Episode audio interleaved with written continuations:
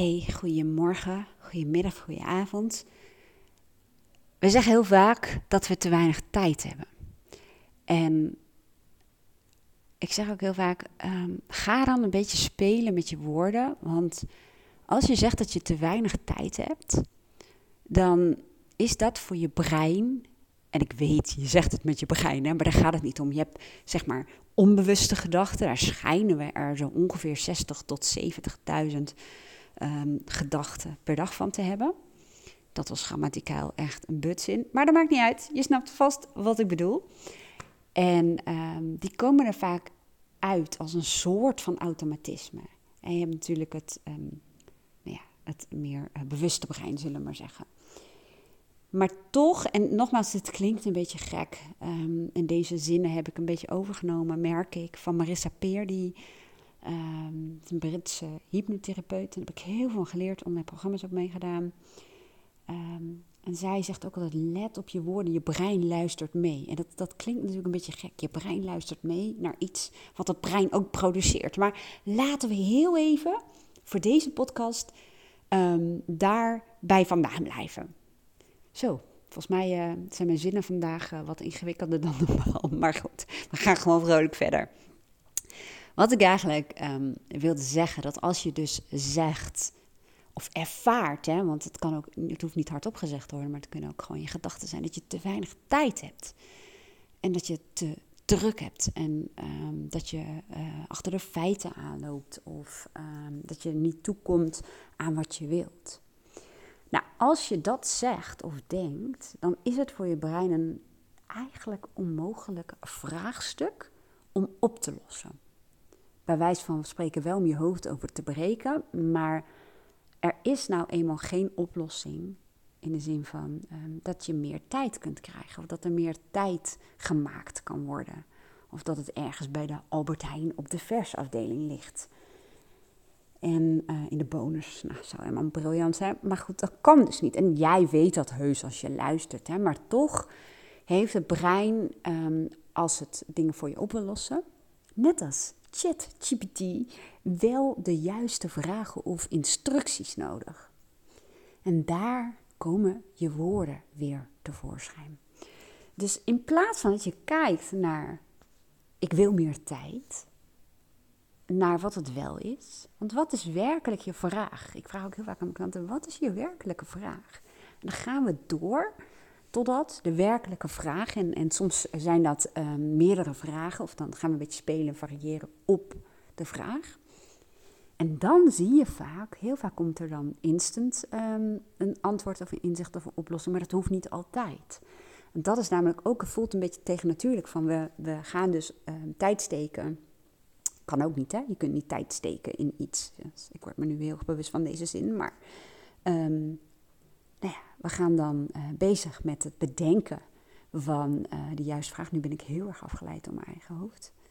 Waar wou ik nou heen? Um, nou goed, de meeste luisteraars herkennen dit juist heel erg. Dus ik probeer gewoon met mijn gestructureerde kant weer terug te gaan naar het punt waarop ik het nog wel wist. Um, ja, wat ik zei van tijd steken in, hè? dat kan technisch ook niet. Maar weet je, ik ga gewoon even door, want je begrijpt wel wat ik bedoel. Nou, dus we gaan tijd steken in het formuleren van de juiste vraag. En dan is een soort van um, ja, gedachte vaak. Dan moet je dus ook oplossingen of antwoorden bedenken voor die vragen. En dat is juist het briljante van je brein. Ik noem het ook altijd de kracht en het potentieel van je brein. Als jij je bezighoudt met het stellen van de goede vraag of um, de goede instructie geven, dan gaat jouw brein daarmee aan de slag. En nogmaals, soms komt het instant en soms komt het wat later. En het komt op allerlei verschillende manieren. En als je ook nog bezig bent met de wet van de aantrekkingskracht, dan merk je dat heel vaak ook oplossingen, inzichten, antwoorden, manieren uit onverwachte hoek, noem ik het dan maar even. En onverwacht is ook gewoon, um, ja, uh, betekent voor mij een beetje hetzelfde als dat je heel veel dingen helemaal niet zelf hoeft te bedenken. Of dat er oplossingen komen die je niet eens had kunnen bedenken. Want het brein, die. Um, ja, die, die uh, heeft ook data die eigenlijk oud is. Dus je, je, je formuleert antwoorden met oude informatie of informatie die er nu al is. En door bezig te gaan met het stellen van de vraag, dan geef je ook je brein de ruimte om nieuwe informatie te verzamelen En misschien te combineren met reeds bestaande informatie en zo tot een antwoord te komen. Want dat is ook een soort ja, mindset als jij. Um, ja, eh, misschien een heel slecht voorbeeld, maar als jij denkt aan een rode polo, dan zet je vaak je brein aan het werk om nog meer rode polo's te zien. Ik noem maar even wat. Hè? Dat is misschien een heel slecht voorbeeld, maar je snapt wel wat ik bedoel. Maar goed, ik merk dat ik vandaag een beetje rommelig in mijn hoofd ben. Vanmorgen helemaal niet. Echt een super sessie ook gehad. En op een gegeven moment merkte ik, oh, ik ben een beetje rommelig. Weet je wat ik ga doen? In plaats van de dingen die ik nog ehm, had opgeschreven om te gaan doen. Ik ga even het bos in. En ik weet ook wel waardoor het gekomen is, want ehm, ik had ook tijd ingepland om ehm, me bezig te houden met onze uh, windsportvakantie. En het is iets wat ik echt heel moeilijk vind.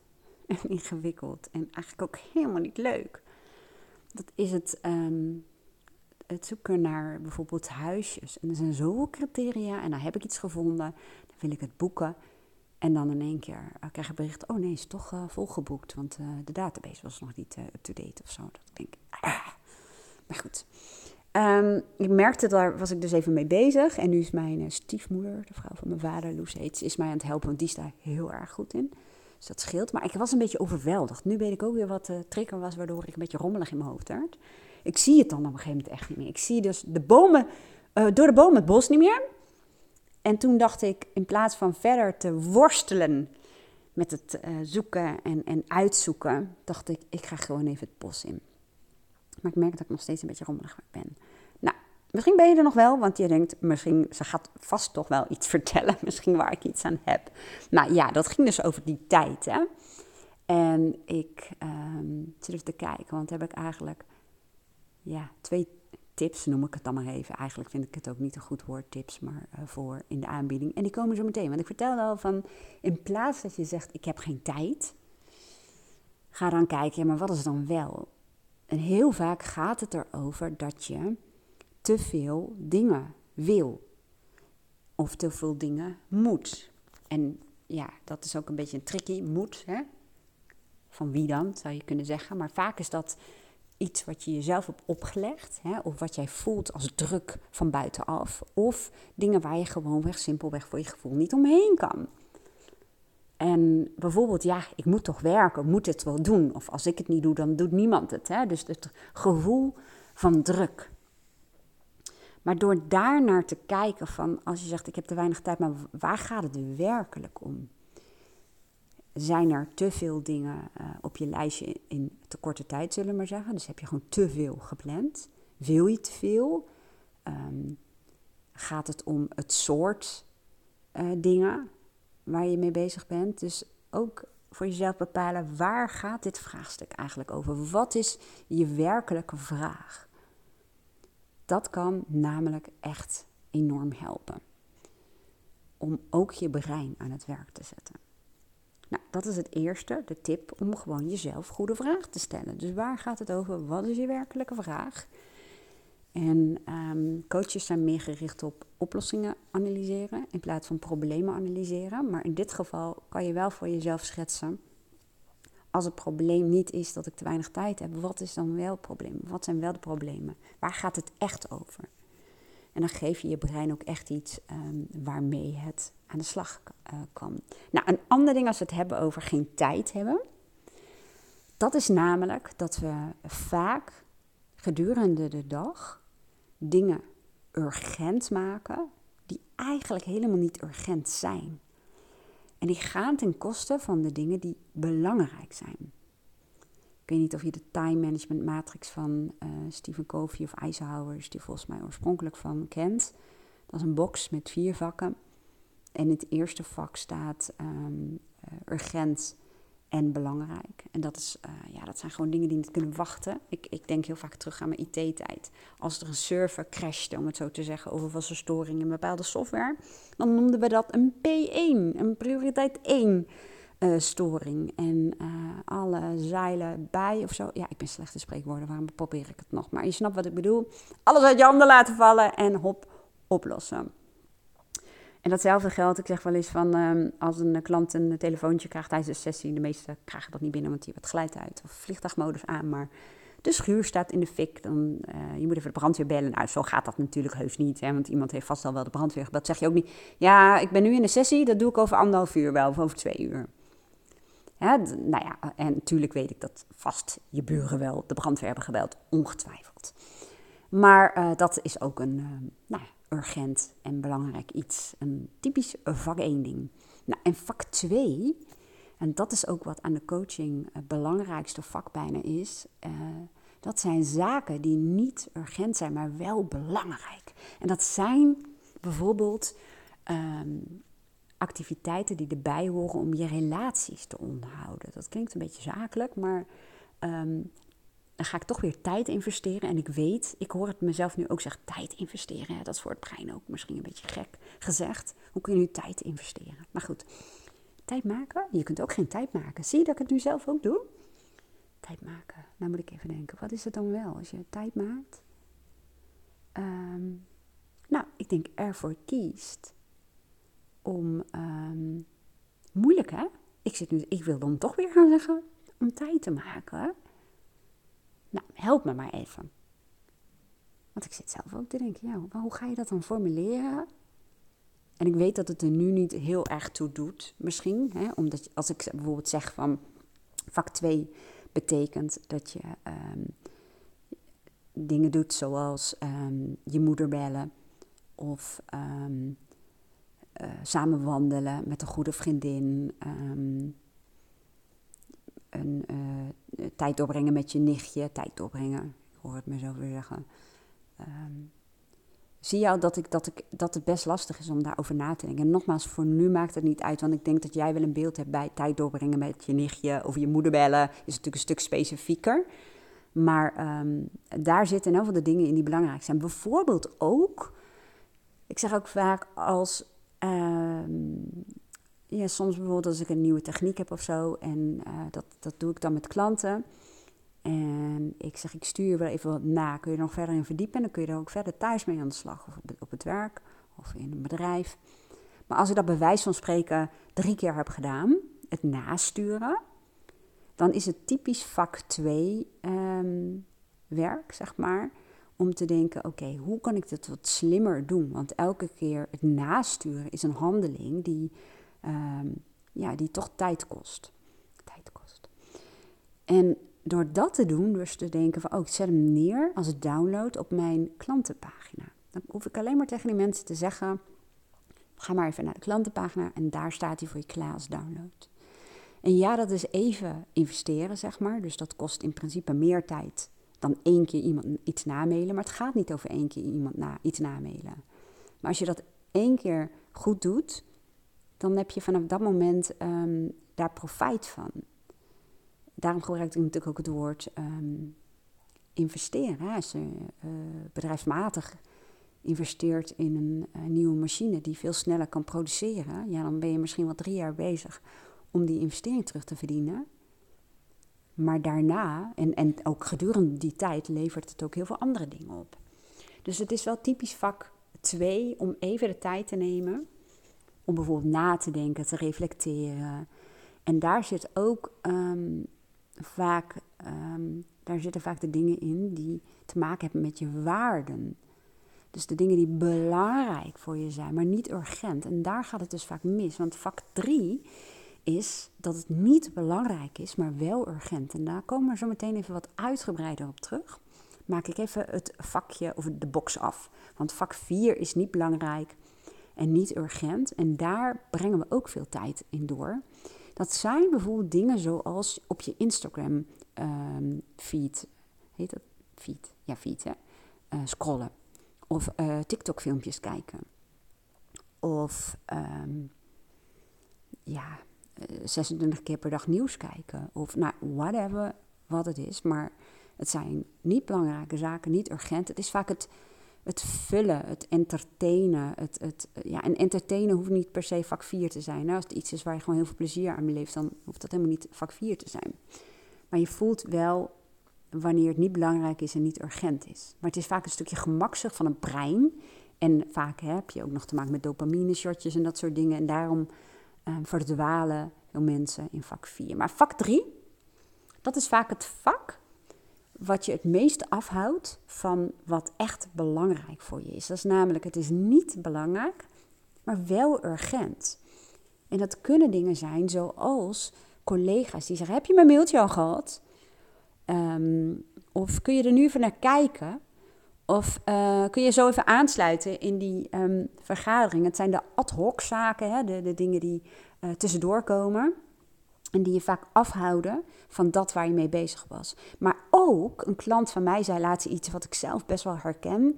Zegt hij, ja, dan kom ik bij ons het erf oprijden en dan kijk ik rechts en dan zie ik die heg. Zegt hij shit, dan zit dat helemaal in mijn hoofd. Dan moet dat ding, um, ik wilde zeggen geschoren worden, maar hoe heet dat nou? Je heg kun je knippen, um, snoeien. Nou, je snapt wat ik bedoel. Maar voordat hij wegging, is hij ook langs die heg gereden, maar ja, had hij het nog helemaal niet opgemerkt. En toen hij dus terugkwam en het, hij zag het wel, werd het in één keer urgent in zijn hoofd. Dat is ook waarom heel vaak zeggen mensen, dan moet dat nog doen en dat nog doen en dat nog doen en dat nog doen en dat nog doen en dat nog doen. En vaak zijn het dingen die in vak 3 zitten. Het voelt als urgent, hè? dat is vaak ook een deel in jou die dat doet. Dat kan een innerlijke criticus zijn, dat kan een verantwoordelijke kant zijn, dat kan een innerlijke pusher zijn. Onderschat de kracht van de pusher ook niet. Maar je maakt dingen urgent die het daarvoor nog niet waren. Of je maakt dingen urgent doordat je bijvoorbeeld de lat heel hoog legt. Dat dan een stukje perfectionisme aan te pas komt. En ik ga je zo meteen een paar voorbeelden geven. Maar dit is, ik noem het even, de vijand van vak 2. Dus vak 2, hè, niet urgent, maar wel belangrijk. En um, dat is ook met de mensen die het hard schreeuwen, krijgen vaak het meeste aandacht. En uh, dat, dat, dat, nu vermenselijk ik um, de time management matrix, laat ik dat maar niet doen, dan wordt het wel een beetje heel vaag.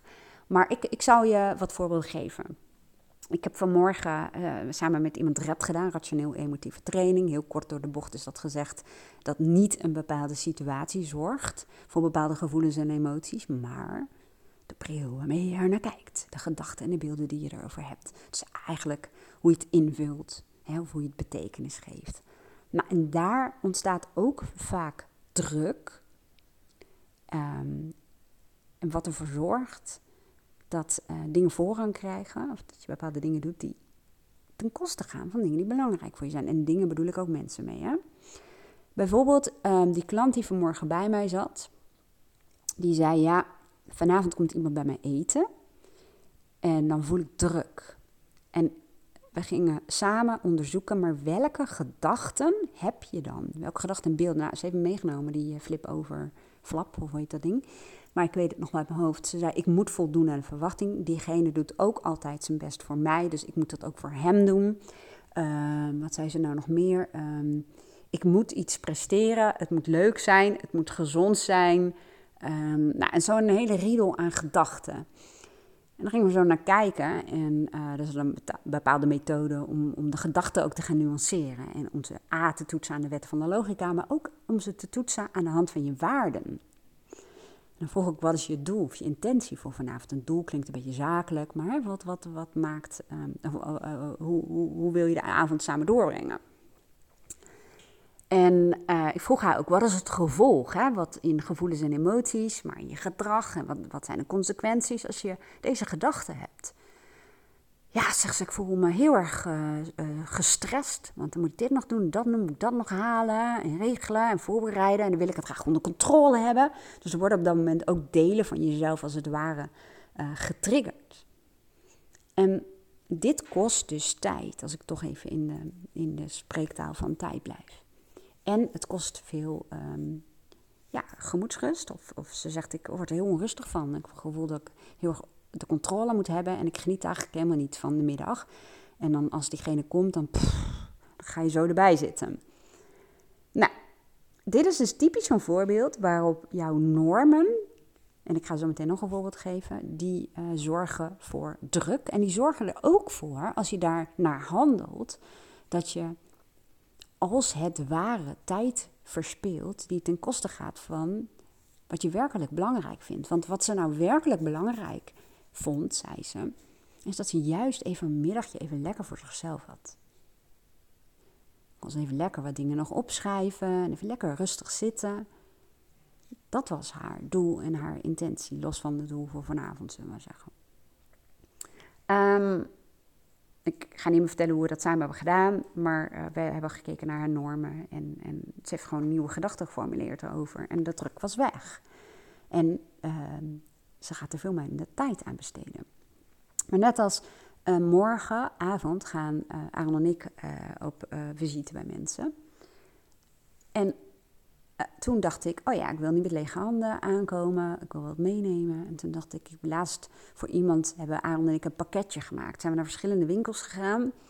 En dan halen we zo'n dienbladje bijvoorbeeld even bij, bij de Action of zo. En dan kaasjes en sapjes en nootjes en weet ik veel. Gewoon een leuk um, ja, soort van plankje maken. En wij zijn allebei echt heel slecht in het inpakken. Dus het zag er gewoon ook nog eens een keertje niet uit. Maar het idee was hartstikke leuk. En sommige mensen kunnen het heel mooi met van de doorzichtige plastic en linten. Nou, dat, bij ons, nou ja, er zat plastic omheen. Laten we het daar maar op houden.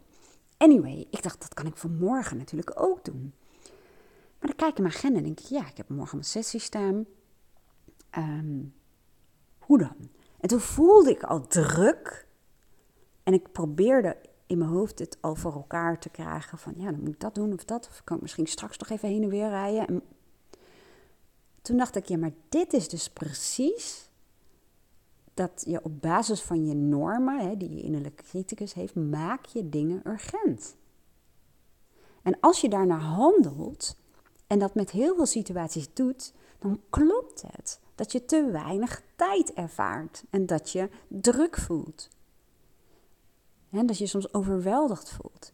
Dus um, ik bracht dit voorbeeld ook in tijdens die sessie uh, van morgen. Moest kaart lachen. Ja, ze, ja, dat herken ik helemaal. Dus um, door daar bewust bij stil te staan en ook bij mij te kijken wat is hè, mijn doel, mijn intentie als het gaat om morgen. Hè, eh, de tijd die ik na de sessie wil doorbrengen totdat we naar hun toe gaan. Um, maar ook uh, wat mijn doel en intentie is, of die van ons zeg maar, ten aanzien van de bezoekje morgenavond. En dan kun je bewust afstemmen, noemen ze dat, als het gaat om persoonlijke waarden en keuzes maken. Ook kun je dan een soort van calculeren of de impact, het verschil dat je maakt met zoveel extra moeite en tijd steken in zoiets, waarvan ik denk dat het leuk is, maar misschien vinden zij het helemaal niet leuk. Ik ben er ook nog voor ze aan het invullen. Versus dat ik denk, nou, het is in ieder geval iets wat wij graag willen, willen iets meenemen. Maar ik kan het ook makkelijker maken voor mezelf. De, de klant kwam met het idee, nou, toch een paar leuke kaarsjes of een beetje iets kerstigs. Of hier ga je naar de wereldwinkel hier in Beekbergen. En um, ik kan ook vragen aan iemand die ze goed kent, daar kan ik ze blij mee maken. En uh, ja, weet je, je kunt, als je bewust gaat nadenken, dan um, kun je vaak de druk wegnemen die helemaal niet nodig is. En dan kun je jezelf als het ware tijd besparen en nog steeds hetzelfde resultaat um, uh, hebben, om het zo te zeggen. En misschien zelfs nog wel beter. Dus even de slotsom van deze waarschijnlijk wat warrige podcast um, is twee dingen.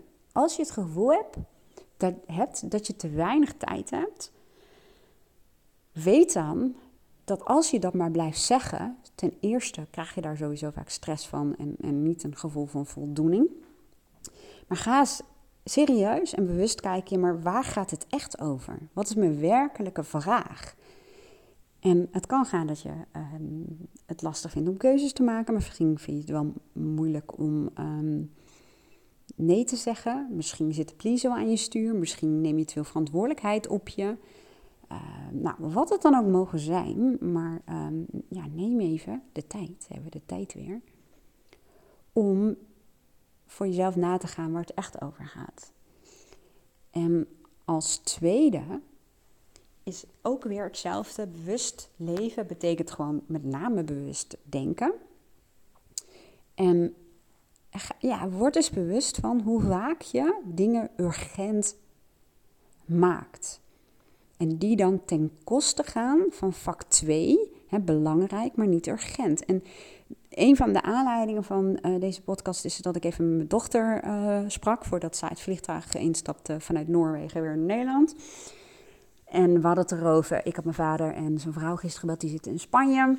En ik bel mijn moeder veel vaker. En ik, uh, ik, ik, bel mijn nichtje vaak. Ik heb meer contact met mijn zusje. En dat is echt allemaal gekomen door um, het proces waarin ik al zat. Dat ik dacht van, ik wil meer tijd nemen voor de dingen en de mensen die belangrijk voor me zijn. Kortom, tijd nemen weten we ook wel, dat kan ook niet. Hè? Dus waar het werkelijk om ging is dat ik voor mezelf ging bepalen, wat is nou echt belangrijk? Wie is nou echt belangrijk? Waar besteed ik nu tijd aan? Um, terwijl dat eigenlijk gewoon niet belangrijk is. Misschien voelt het zo, maar dat dat niet is. Dus ik ben een soort van mentale opruimslag gaan maken, maar ook in huis, op allerlei gebieden in mijn leven.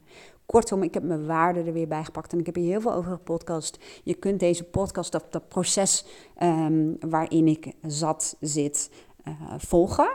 Want ik heb ze um, een soort van chronologisch, dat is wel heel wat voor mij, chronologische volgorde, uh, ja, gelabeld in mijn podcast als um, hoofdstuk. Dus je herkent die hoofdstukken, dus hoofdstuk 1, 2, 3, 4, 5.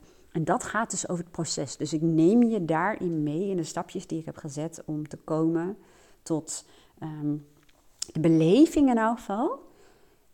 En ook de daadkracht en het resultaat dat ik er veel meer tijd neem en heb voor de mensen en de dingen die belangrijk voor me zijn.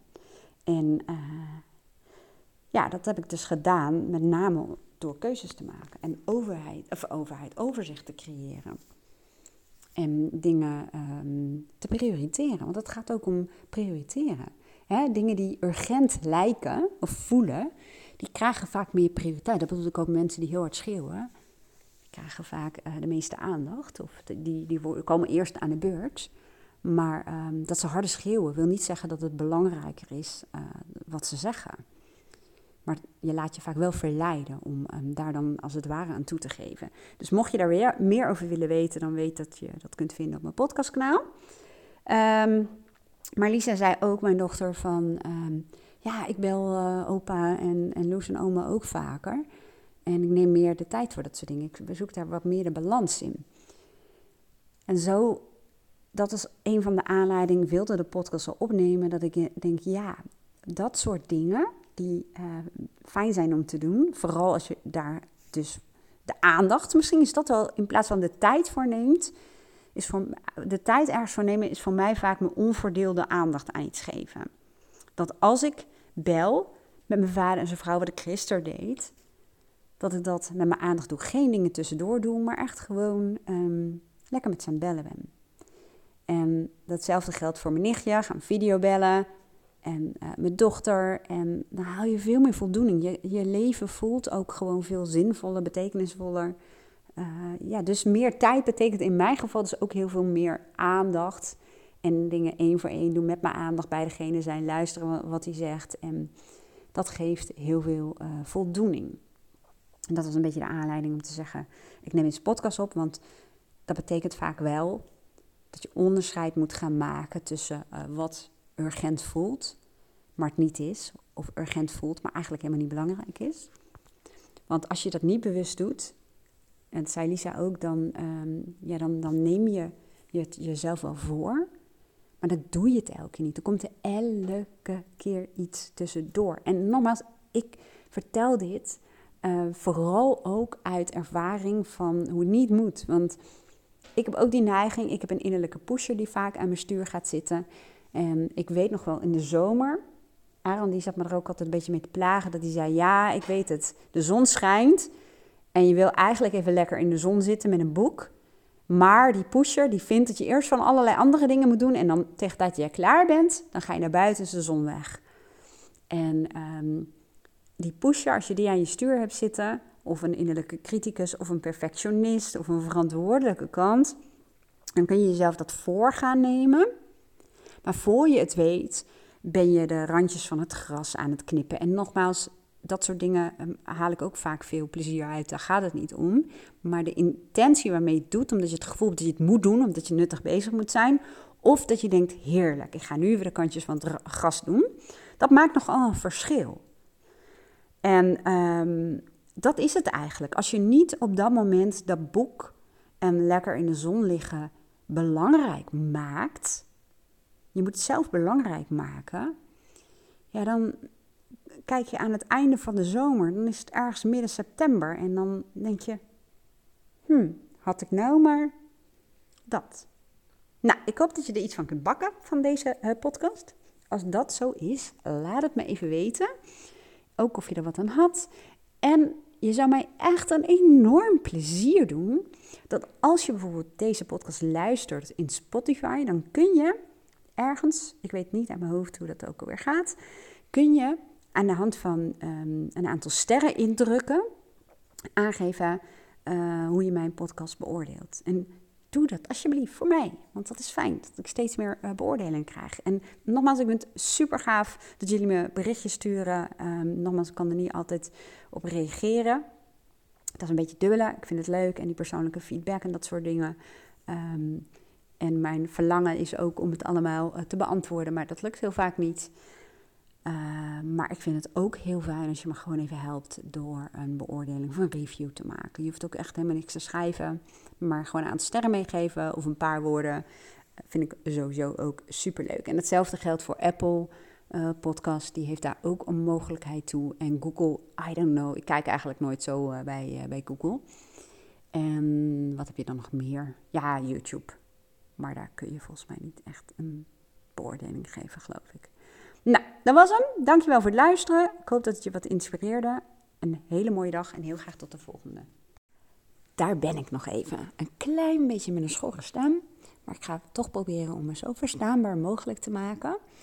Want we hebben het in deze podcast gehad over de kracht en het potentieel van je bewuste en je onbewuste brein. Dat je je brein vragen kunt stellen. Eigenlijk net als AI. Dat is niets anders dan dat. Het maken van prompts, ehm, het stellen van de juiste vragen, het geven van instructies. Dat is gebaseerd op hetzelfde wat jij en ik samen net in die podcast hebben gedaan.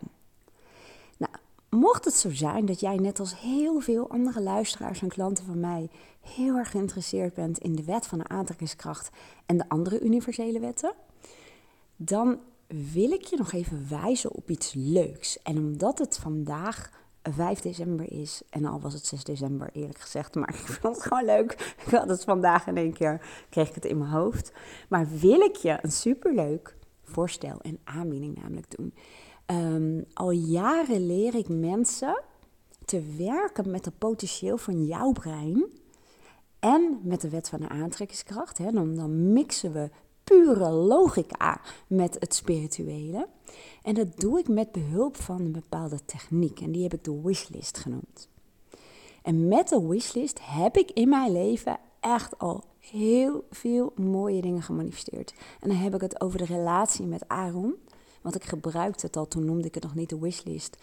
Um, al voordat ik überhaupt dat met klanten ging doen. Maar ook het huis waarin we wonen. En ik heb daar zelfs nog, ja, het klinkt een beetje gek, maar ik noem het altijd een soort van echt magisch bewijs van in mijn academy staan. Ik heb toen met behulp van uh, nou ja, deze techniek heb ik helemaal beschreven waar we woonden en hoe dat was. En dat was al lang voordat we dit huis überhaupt gingen bezichtigen. Maar nog heel veel andere dingen. Als het gaat om gezondheidsgebied, uh, mijn lichaam, inkomen, klanten die ik wilde manifesteren, gebeurtenissen die ik graag wilde manifesteren in mijn leven. Nou, echt, je kunt het zo gek niet bedenken tot aan zwarte kozijnen in het huis toe.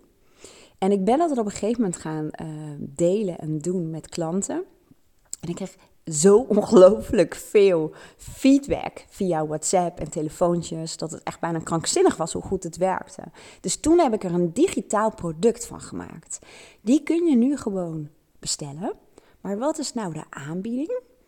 Als jij die in de maand december bestelt, dan krijg jij gratis, en dat is best wel heel veel wat ik weggeef, omdat mijn tijd mijn allergrootste goed is. Maar ik vind het namelijk ook gewoon heel leuk om te doen um, met een aantal mensen. ehm, als jij in december die wishlist aanschaft, waarmee ik je dus leer om de kracht en het potentieel van jouw onbewuste brein te gebruiken. En waarbij ik je leer om te manifesteren met de wet van de aantrekkingskracht. Dan heb je dus recht op dat je je wishlist, de, uitwerking daarvan, hè, mag je naar me mailen. En ik ga gewoon een deel daarvan scannen. Het ligt eraan hoe lang jouw wishlist is. Want um, mij kennen, ik kan behoorlijk snel lezen en dan neem ik hem helemaal door. En dan krijg je persoonlijke coaching feedback van mij. En dan breng ik het naar nog grotere hoogte. En waarom zeg ik dit? Omdat ik bij heel veel klanten die bij mij in mijn praktijk komen als huiswerk dit meekrijgen, kijk ik mee. En eigenlijk zegt iedereen: dit is zo ongelooflijk waardevol. En dit, is, dit helpt zo enorm dat je meedenkt en dat je um, ja, het net nog weer even scherper neerzet. En het voelt gewoon fijn dat je het niet in je uppie moet doen. Dus voor iedereen, en ik hoop dat ik daarmee niet iets heel groots op mijn hals haal. Maar goed, ik heb straks de eerste vakantie. Maar um, die nu dus in de maand december 2023 de wishlist bij mij bestelt. Dan heb je dus recht op persoonlijke feedback. Nou zal ik niet meteen gaan beloven dat het met één of twee dagen binnen is. Want ik weet dus niet hoe hard het gaat lopen. Maar um, laten we afspreken dat je in elk geval even, ik hou dan toch even de kerstvakantie erbuiten, maar uh, met een uh, week, zeven dagen, zeker wel en waarschijnlijk wel eerder mij kennende, jouw persoonlijke feedback hebt gekregen. Dus dan help ik je gewoon helemaal persoonlijk. Nou, als het als je leuk lijkt, dan uh, je hoef je eigenlijk maar één ding te doen via de link die hieronder staat te bestellen. En uh, ik zie aan de datum dat het december is waarin jij de bestelling hebt gedaan. En ik zal iedereen die in december de wishlist heeft besteld even een berichtje sturen of jij gebruik wil maken van uh, deze aanbieding. Nou, ik hoop dat je het echt super leuk vindt. Ik ben al heel enthousiast. En uh, ook omdat ik gewoon zoveel dingen heb zien gebeuren in levens van mensen. En um, dit is ook niet per se heel makkelijk om te doen. Dat hoorde je net in de podcast ook. Maar ook bijvoorbeeld als mensen zeggen dat ze willen afvallen. Um, dat soort zinnen, ja, daar ga ik mee aan de slag. Want als je tegen je brein zegt, zegt het universum dat je wil afvallen, nou dan, ja, dan, dan, dan, dan gaat er gewoon niks gebeuren. Want we moeten ook het waarom weten en wat je daarmee bedoelt en, en, en hoe het er dan uitziet als dat zo gerealiseerd is en waarom het vooral zo belangrijk voor je is. En daar help ik je mee. En dan zul je zien dat je je doelen echt kraak helder heb verwoord. En de meeste mensen vinden dat best lastig om dat zelf te doen. Daar is die wishlist dus voor. En nu krijg je dus een plus erbovenop dat ik je daarbij ook nog een keertje persoonlijk ga helpen. Nou, ik hoop de bestelling uh, te zien. Ik hoop dat ik met jou mee mag denken met jouw wishlist. Aaron en ik die gaan hem in elk geval weer maken voor 2024. En wij nemen dan ook altijd een momentje om even weer terug te kijken naar de wishlist van 2023. Echt super leuk. En heel veel mensen gebruiken hem overigens ook zakelijk voor hun business. Nou, genoeg verteld. En ik wens jou een hele mooie dag en heel graag tot gauw.